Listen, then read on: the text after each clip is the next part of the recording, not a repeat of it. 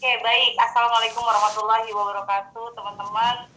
Uh, hari ini kita ngomongin tentang keuangan dan kalau ngomongin dengan keuangan kayaknya itu adalah sesuatu yang penting banget untuk dibahas karena banyak orang yang ternyata tidak belum melek kecerdasan finansial termasuk salah satunya kelola uang yang ada ya banyak orang yang berpikir kayak begini dan saya mau uangnya cuma segitu-gitu aja makanya saya nggak bisa nabung ya sebetulnya kalau kita ngomongin tentang uang yang segitu-gitu aja tetap harus bisa nabung. Hanya saja jumlah tabungannya yang itu berapa gitu kan. Nah sebelum kita ngomongin tentang uh, apa saham nabung melalui aset-aset tertentu ya kita nabung yang paling minimal aja yaitu nabung uang ya ada beberapa jenis uh, hal yang harus teman-teman lakukan untuk bisa menabung. Yang pertama yang harus dilakukan adalah bagaimana kemudian teman-teman mengatur pengeluaran harian di batas minimal. Ingat batas minimal bukan batas maksimal teman-teman.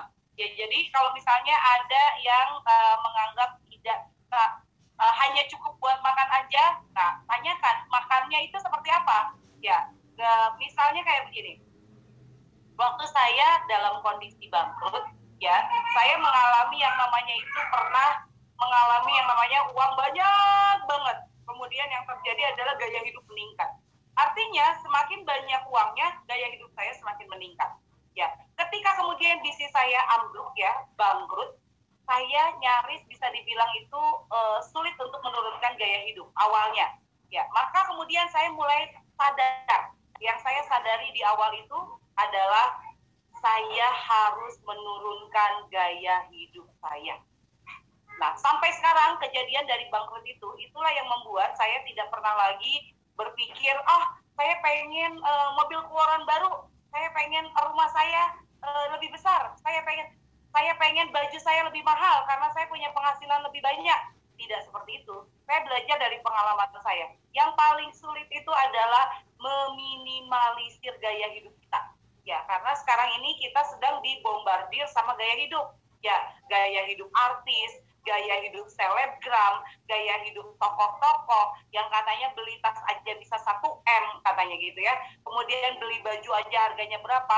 Orang berbondong-bondong ya dia itu kepengen seperti gaya hidup orang lain. Padahal itu tidak aman untuk finansialnya.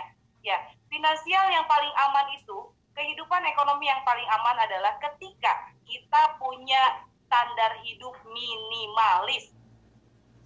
Walaupun jangan lebay ya teman-teman ya. Saya tadi malam baca di eh, eh bukan baca nonton ada orang yang memutuskan hidup tanpa uang. Ya. Kalau hidup tanpa uang kemudian dia tinggal di satu gunung dia makan apa saja yang ada di sana, dia minum air yang ada di sana, itu hanya cukup untuk dirinya sendiri saja. Ya, tanpa uang. Uang uang akan sangat membantu kita, ya. Uang akan memberikan banyak hal untuk kita. Tetapi pengelolaan uangnya yang akan lebih bermanfaat untuk kita. Makanya satu hal yang harus teman-teman lakukan supaya bisa menabung adalah tentukan garis minimal kebutuhan Anda. Tentukan garis minimal gaya hidup Anda ya belanja satu hari harus ditarget berapa banyak ya misalnya satu hari 50 ribu ya. Walaupun bisa belanja 150 ribu tapi tetapkan di angka 50 ribu. Ya jangan tetapkan di angka maksimal tapi tetapkan gaya hidup di angka minimal. Ya. Kemudian yang kedua apalagi? Baju ya. Kalau baju yang harganya 100 ribu saja sudah bagus kenapa kita harus beli 6 ya harga baju yang 600 ribu? Ya. Oh iya teh, soalnya kalau baju 600 ribu lebih awet. Insya Allah baju yang 100 ribu juga lebih awet. Gimana cara kita uh, merawat baju tersebut?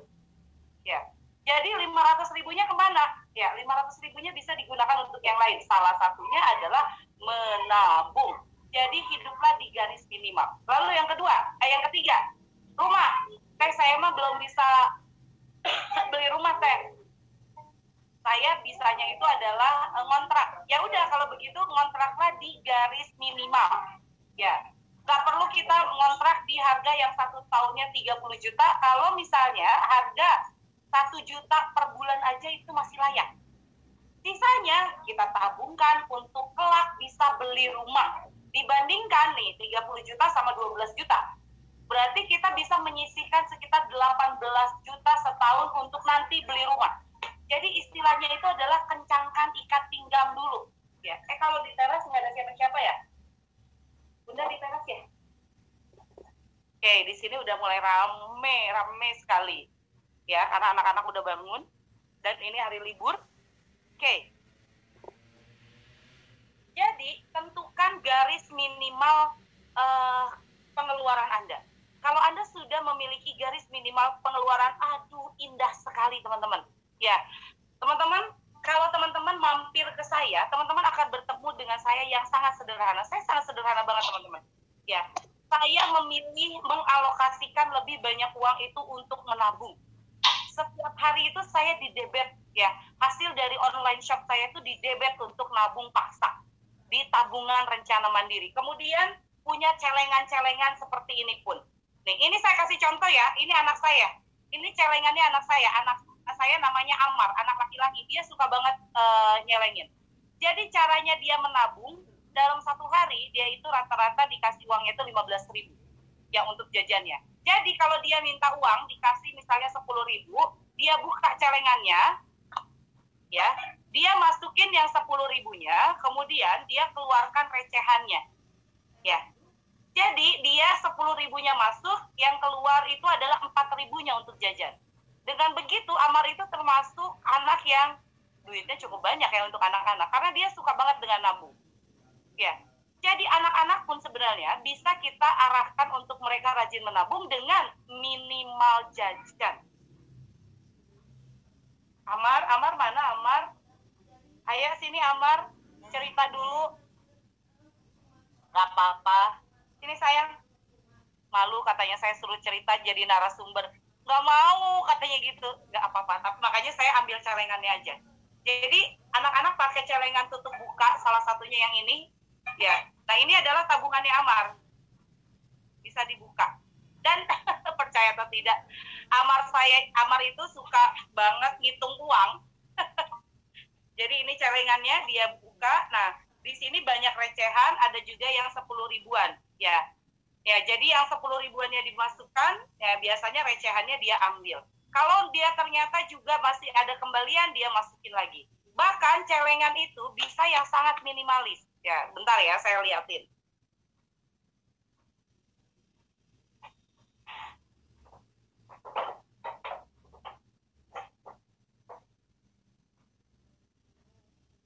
Nah, biasanya, nah ini adalah celengan recehan. Saya pakai galon kayak begini, teman-teman.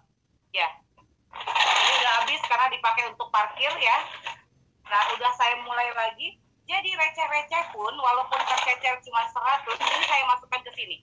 Waktu dulu saya lagi hot-hotnya uh, recehan ya, karena waktu itu saya sempat bangkrut, semua uang itu ya yang recehan itu saya masukkan. Saya punya recehan itu sampai sebesar galon aqua besar. Ya. Jadi saya masuk-masukin ke sana dan Masya Allah jumlahnya ada sampai 12 jutaan waktu itu. Dari receh saja. Ya, jadi sebenarnya persoalan menabung bukan persoalan ada uang atau tidak, tapi dialokasikan atau tidak. Ya, minimalisir hidupnya mau atau tidak supaya bisa nabung. Dan kata patung desem sekarang itu eh, apa namanya itu yang harus dilakukan oleh semua orang itu adalah memiliki cash yang cukup besar. Jadi tahan kalau sekarang mau ganti kendaraan, tahan mau ganti bentuk rumah, tahan dulu untuk ganti uh, apa pun ya yang uh, yang akan mengeluarkan uang. Tahan dan simpan uang anda di tabungan. Ya karena yang sangat penting adalah bagaimana anda memiliki uang cash yang cukup ketika kondisi krisis ini melanda. Ya jadi kalau misalnya nih teman-teman sekarang setiap hari makannya ayam kemudian makannya. Pokoknya dalam satu hari itu minimal 50 ribu. Diskusi sama anggota keluarga yang lainnya. Boleh nggak kalau ibu ganti nih makannya? Tertarik sih ibu. Ke ayam sama ikan itu lebih uh, murah. Ikan sebenarnya lebih banyak ikannya kalau misalnya gimana kalau misalnya kita makannya ikan aja? Gimana kalau kita makannya itu sayur aja? Gimana kalau kita uh, makannya itu varian daripada telur dan lain-lain ya didiskusikan sama anggota keluarga kenapa bu harus ganti uh, menu makanan? Karena kondisinya sekarang dek kita harus banyak-banyak menabung. Ya ibu baru belajar dari Teh Indari dek. Ternyata sebenarnya bisa kok kita menabung gitu kan. Yang ibu sampai saat ini tuh nggak bisa nabung gitu. Ya jadi salah satunya dek ikat pinggang kita dikencengin ya supaya aman di cashnya. Ya kayak gini polanya aja uh, kayak Amar bisa anak-anak belajar seperti itu. Ya tapi teh anak saya jarang dikasih uh, jajan kok. Alhamdulillah tapi bisa mulai belajar untuk diajak nabung ya saya anak saya nggak pernah atau jarang dikasih uang jajan katanya tuh. Ya nah, kalau begitu diajak untuk nabung dek. Mama sekarang tiap hari akan kasih uang jajan buat kamu ya gitu kan. Eh tapi sebenarnya bukan uang jajan. Kalau kamu pinter ini bisa jadi tabungan. Saya mau kasih lihat.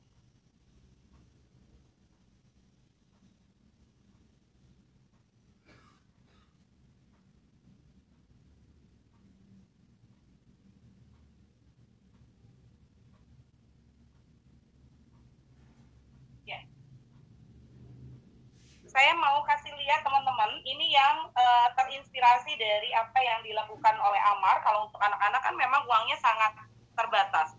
Jadi kayak begini nanti untuk yang anak-anak tidak pernah uh, dapat uang jajan nggak apa-apa dikasih seribu satu hari masukin ke dalam celengan. Nah ini uang untuk celenganmu ya nak. Dikasih makan celengannya ya seribu. Ya. Jadi anak dapat jatah untuk celengan dalam satu hari seribu Ya, jadi untuk anak itu ada yang seribu, ada yang dua ribu, ya, kemudian ada yang lima ribu, ada yang lima ribu, kemudian ada juga yang sepuluh ribu. Ya, teman-teman di sini bisa mulai belajar untuk uh, mengajar anak-anak menabung, menabung yang sangat sederhana dengan melalui celengan seperti ini. Percayalah, kalau sekarang ini ada ibu-ibu yang dia susah banget untuk nabung, kemungkinan besar karena di uh, apa namanya tuh background pendidikannya tidak diajarkan untuk menabung. Ya, kenapa Amar uh, punya tabungan seperti ini? Karena background pendidikan orang tuanya mengajarkan dia untuk menabung. Dia lihat, saya punya tabungan, saya punya recehan kayak begini, saya punya yang angkanya 20 ribuan, saya saya ceritakan kepada anak-anak. Ya, maka kemudian kalau teman-teman ingin bahwa di masa yang akan datang, anak-anak Anda ini akan terbiasa dengan yang namanya menyisihkan uang untuk menabung, maka mulai didik dari sekarang. Ya inilah alasan kenapa saya itu membuat yang namanya celengan anak untuk pembiasaan anak-anak. Bukan hanya ibunya yang belajar untuk menabung, tapi anak pun sedari dini belajar menabung. Oke, lalu apa lagi yang harus dilakukan teh supaya bisa menyisihkan uang untuk menabung? Ya, kalau tadi kencangkan ikat pinggang. Ya, jadi mulai bikin lagi list ya budgeting di angka minimal. Ya sisanya ditabungkan. Lalu yang kedua kalau misalnya mau menabung bagaimana teh? Yang menabung yang kedua adalah kalau benar-benar teman-teman ini tidak bisa menabung dari kencangkan ikat pinggang walaupun 100 perak saja tidak bisa saya harap harusnya bisa ya. Maka yang harus dilakukan oleh teman-teman itu adalah menambah penghasilan dan total penghasilannya harus masuk celengan atau harus ditabung. Kenapa saya garis besar uh, apa namanya itu uh, garis bawahi ya penghasilan tambahan masuk ke celengan. Karena sebetulnya tanpa penghasilan tambahan pun sebetulnya teman-teman bisa ternyata untuk bisa hidup dari hari ke hari. Benar nggak? Lalu kemudian kenapa setelah ada penghasilan tambahan, teman-teman habis juga penghasilan tambahannya. Kenapa? Karena biasanya gaya hidupnya naik. Nah, itulah kenapa kita harus punya standar gaya hidup minimal. Jadi ketika kita kemudian punya penghasilan tambahan, kita tidak akan ambil penghasilan tambahan itu. Ya, karena kita sudah terbiasa dengan penghasilan yang segini. Maka ketika penghasilan kita naik segini, selisihnya itu pasti akan masuk ke dalam tabungan. Maka percayalah teman-teman, kalau teman-teman tidak punya standar hidup minimalis sampai kapan pun, teman-teman tidak akan bisa menabung. Ya, karena menabung itu akan menjadi gaya hidup Anda. Ya, ketika Anda sudah punya uang untuk menabung, ya, Anda tidak akan ambil itu untuk beli baju, kemudian ganti sofa, uh, kemudian juga makannya jadi lebih enak gitu. Tidak akan. Karena punya standar hidup minimalis. Ya. Maka teman-teman di sini yang saat ini mengatakan bahwa saya tidak bisa menabung teh, tanyakan pada diri sendiri, apakah ya saya ini tidak punya batas minimal gaya hidup saya? Atau gaya hidupnya itu hanya mengikuti penghasilan ya jadi kalau penghasilannya sejuta gaya hidupnya ala sejuta. Kalau penghasilannya dua juta gaya hidupnya naik menjadi dua juta. Gaya hidup eh, penghasilan lima juta naik gaya hidupnya jadi lima juta. Maka sampai kapan pun anda tidak akan pernah bisa menabung. Ya. Seorang ada seseorang yang mengatakan katanya kenapa? Eh kenapa ya banyak orang Chinese itu keren banget ya bisnisnya? Kemudian uh, dia itu biasanya juga tajir kaya kemudian dia biasanya juga uh, cashnya banyak. Ternyata teman-teman ya masya allah ya saya dapat bocoran dari salah satu mentor uh, uh, yang luar biasa dia mengatakan bahwa orang Chinese ketika dia mendapatkan 100% penghasilan 70 persennya itu akan masuk ke dalam tabungan aset dan lain-lain. Ya. Dan investasi. 30 persennya adalah gaya hidup. Jadi kalau misalnya teman-teman lihat tiga sekarang kayanya itu adalah hasil 70% yang dia kelola uangnya. Ada yang kemudian dia investasi di uh, saham, ada yang investasi di apartemen, ada setelah dia ngumpulin loh, nabung dulu. Ya, nabung berinvestasi, kemudian duitnya bergerak. Jadi dia hidupnya itu dari 30%. Makanya kalau misalnya teman-teman melihat gaya hidupnya Pak Tung Desem, ya dari cerita dia awal sampai dia sekarang itu punya helikopter gitu kan awalnya juga sama. Ya dulu beliau itu ya hidup di garis yang paling minimalis.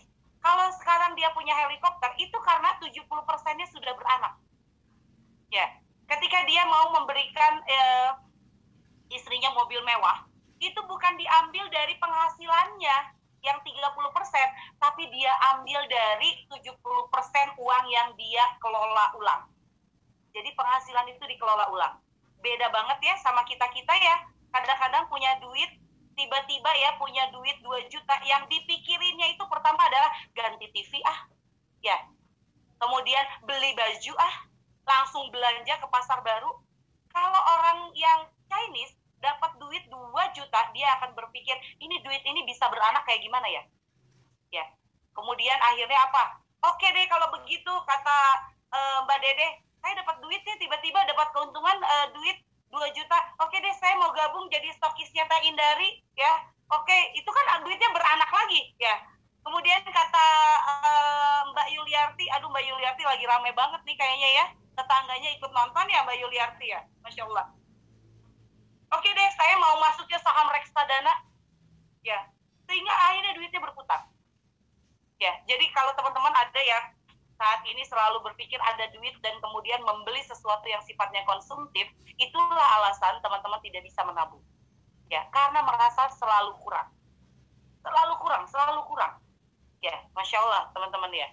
Oke, okay, uh, eh, Arfi ada pertanyaan lagi. Arfi barangkali silahkan langsung dibacakan saja. Baik, ada dari... Bentar dari Miss Pinrang. Gimana ya. menurut Mbak kalau ada yang bilang jangan pelit untuk tenggorokan teh katanya? Pelit untuk tenggorokan itu pelit untuk makan ya? Atau apa? Benar ya? Pelit untuk makan. Ya kita juga tidak bisa memanjakan tenggorokan kita terus-menerus. Nanti dia benar-benar jadi manja loh. Ada orang yang dia itu tidak bisa makan tanpa makan ayam. Ada orang yang tidak bisa makan tanpa makan daging sapi itu artinya kita memanjakan. Padahal masih banyak yang harus dilakukan, masih banyak makanan yang itu akan lebih sehat. Memanjakan tenggorokan itu adalah dengan memberikan makanan-makanan yang lebih sehat. Dan kita ukur kemampuan kita itu seperti apa. Ya, kayak gitu ya. Jadi kalau misalnya sekarang, ah ini duit segini lah, saya mau memanjain lidah, saya mau memanjain tenggorokan, saya mau memanjain perut, sampai kapan itu akan terjadi? Ya. Oke, okay, Afi, lanjutkan.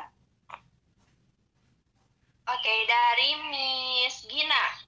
Anakku masih bayi, tapi saya pengen anak menabung, sedangkan lingkungan di sini anak pada jajan terus. Bagaimana cara mengatur anak supaya anak bisa menabung teh? Oke, karena anaknya masih bayi, bikin aja tabungannya itu adalah yang kosongan kayak begini, Mbak Gina. Ya, jadi ibunya dulu yang menabungkan untuk anaknya. Jadi kalau anak sudah paham nih nanti kalau sudah besar gitu kan, sudah dia sudah ngerti jajan dia kasih tahu nak tahu nggak? Dari bayi ibu tabungin loh buat kamu. Nih target tabungannya ini adalah target tabungan masuk TK misalnya. Kemudian iya ini peruntukannya masuk TK tabungannya di sini ada 5 juta. Setiap hari ibu nabung sepuluh ribu loh nak. Ditabungin di sini ya. Mau nabung buat masuk TK ayo ikut nabung. Ya dari kecil kayak begitu. Terjadilah amar kayak begini. Dia kalau beli uh, apa namanya uh, tabunganku ada berapa ya? Aku mau hitung boleh nggak ya? Aku tuh pengen beli ini loh ya beli senapan apa namanya tuh ya? Nerf katanya gitu. Beli nerf dia punya koleksi nerfnya banyak banget. Dia bukain terus dia lihat nerf itu harganya berapa ya? Aku pengen yang ini. Aku nabung oh ini harganya enam ratus ribu deh oke aku nabung sampai enam ratus ribu. Itu lama. Ya.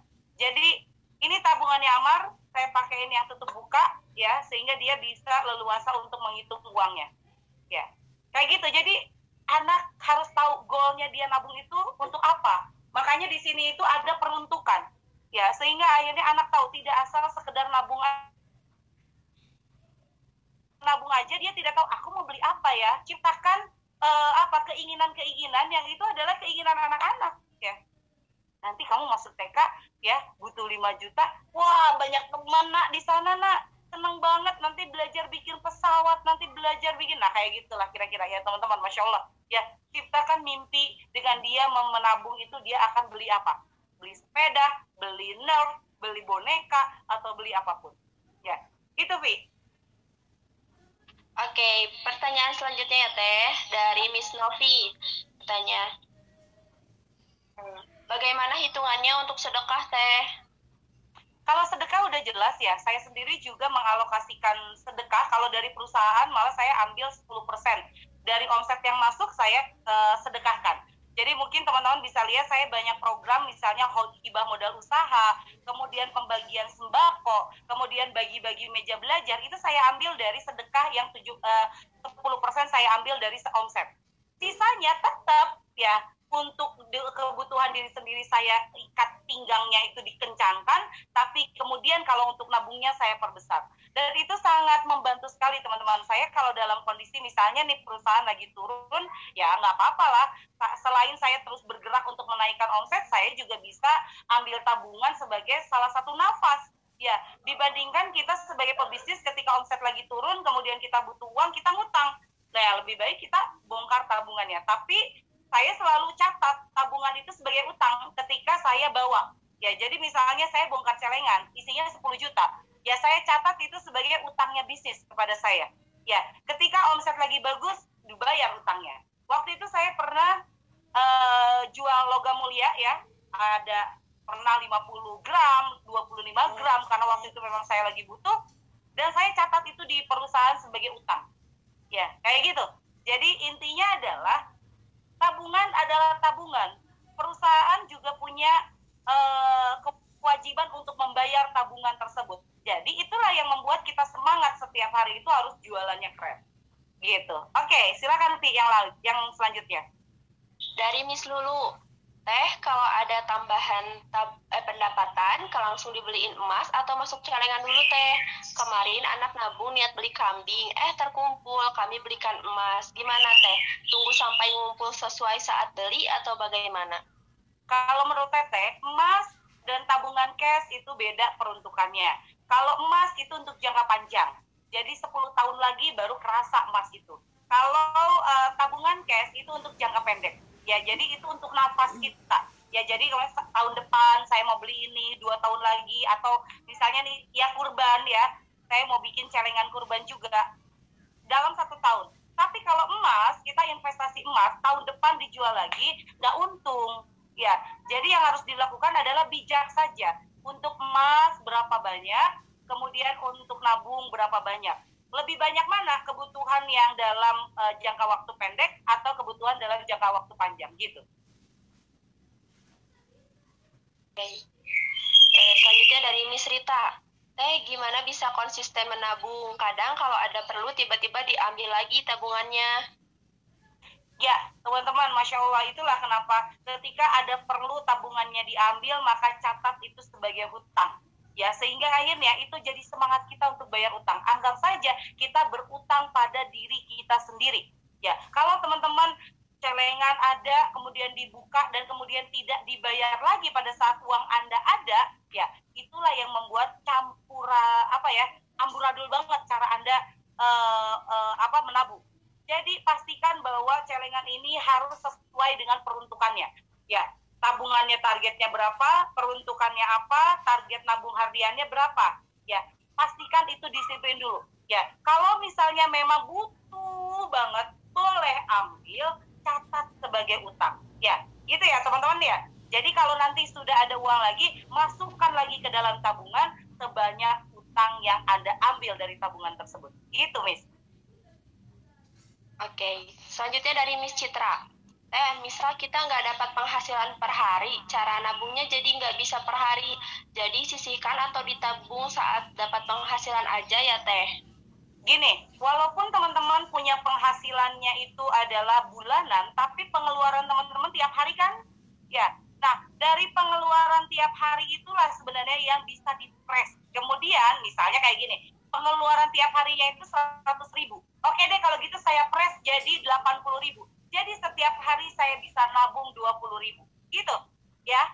Jadi pastikan bahwa walaupun pendapatannya adalah uh, bulanan tapi pengeluaran Anda harian, maka sisihkan dari pengeluaran Anda yang dipres untuk masuk ke dalam tabungan. Itu, Miss. Oke, selanjutnya dari Miss Alice.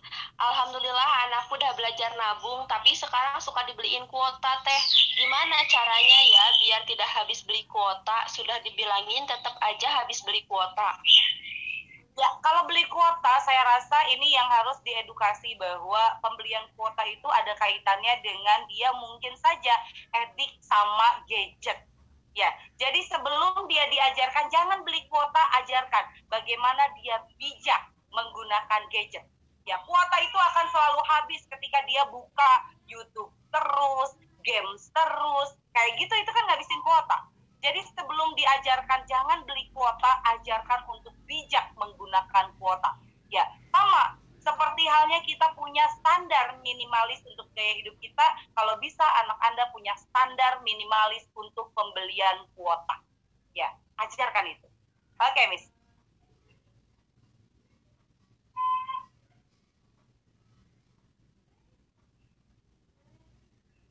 Miss, yang lainnya? Oh iya, ke unmute. Oh. Selanjutnya dari Rubiawati. Teh, saya menabung di celengan. Kalau udah penuh, saya pindahkan ke bank syariah yang nggak pakai ATM. Namanya tabunganku, jadi gak gampang diambil. Udah bener gak, Teh? Boleh, boleh banget. Ya, boleh banget. Karena saya sendiri juga punya jenis tabungan. Ada yang tabungannya itu adalah melalui bank yang tidak bisa didebet, bahkan eh, tidak bisa diambil. Kalau misalnya diambil itu malah kena punishment gitu kan ada yang memang sifatnya celengan. Jadi saya taruh di celengan itu ada untuk yang memang jangka pendek banget gitu. Ada yang memang saya simpan di tabungan rencana mandiri yang setiap hari akan didebet setiap hari. Jadi boleh boleh banget. Apalagi itu nggak ada ATM dan susah untuk diambil boleh. Jadi eh, batu loncatan pertamanya adalah dengan menggunakan celengan seperti ini. Begitu Oke, okay. masih ada nih teh pertanyaannya dari Miss Supinah dari Taiwan katanya. Kalau anaknya di pondok, gimana cara menabungnya teh? Dan saya juga udah bikinin rekening buat masa SMA-nya. Oke, okay. berarti kan ada dua. Untuk masa SMA sudah ada rekening, anak di pondoknya juga sebenarnya kan dapat uh, apa namanya itu dapat jatah bulanan ya diajarkan saja ya anak itu lebih kalau ada anak saya uh, itu dia juga di pondok dan biasanya uangnya itu ditaruh di wali kelasnya gitu kan. Jadi dia bisa ambil atau tidak untuk jajan. Jatahnya itu hanya sepuluh ribu per hari. Jadi bisa saja anak itu dia tidak ambil langsung sepuluh ribu per hari tapi bisa saja dia cuma ambil tiga ribu misalnya cuma ambil lima ribu misalnya kayak begitu. Jadi dia punya banyak sisa dan itu adalah nabung lebih aman. Karena kalau misalnya di pesantren kan biasanya eh, tempat tidur, lemari itu barang-barang ya agak tidak safe kalau misalnya dikasih celengan seperti ini. Oke, okay. Miss sambil saya mau ucapkan selamat uh, untuk peserta bow yang sudah menyelesaikan bownya selama satu bulan. Ini adalah perpisahan untuk para peserta bow. Siapa di sini peserta bow? Ngacung, ngacung peserta bow. Ya. Saya mau Hah? Ayo, Teteh. Oke, okay. Mbak Yuli, Mbak Faiza, kemudian uh, Mbak Nungki dan banyak sekali ibu-ibu yang lainnya Mbak Putri. Saya mengucapkan terima kasih teman-teman ya yang sudah mengikuti bimbingan optimasi WhatsApp selama satu bulan dan mudah-mudahan bahwa dengan adanya rutinitas yang ada di bimbingan optimasi WhatsApp, teman-teman itu bisa menjalankan terus ya. Jangan pernah merasa bahwa aduh di bawah itu kerjaannya cuma gitu-gitu saja. Ya itu adalah kerjaan yang harus dilakukan sebagai pebisnis online. Satu, membuat status. Dua, mereply status WhatsApp. Yang ketiga, sharing-sharing di grup. Yang keempat, membuat broadcast cantik. Yang kelima, menambah database dengan yang namanya save nomor teman-teman. Ya, jadi sekarang sudah uh, selesai untuk bau 22 dan sekarang bisa fokus ke bau 23 dan insya Allah sudah akan jalan lagi. Kita sudah mulai uh, akan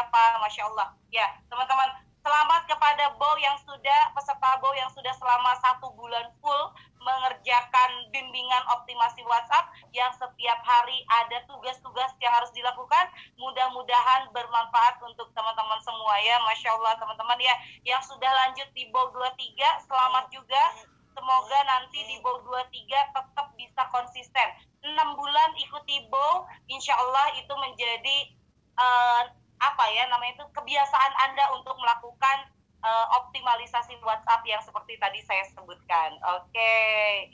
itu barangkali untuk peserta bow dan uh, saya akan lanjutkan satu pertanyaan lagi saja oh banyak sekali ya bow cara nyimpen kalengnya gimana teh? Kalau saya nyimpen kalengnya pasti di lemari, ya di lemari saja, ya di lemari yang terkunci, ya insya Allah itu aman. Dan teh katanya sekarang uh, eh, bukan sekarang dari dulu ya, ada zaman uh, celengan isinya udah isi banyak, tapi ternyata pas dibongkar isinya sedikit gitu kan. Katanya ada yang ng ngambil, ada yang gaib katanya gitu ya.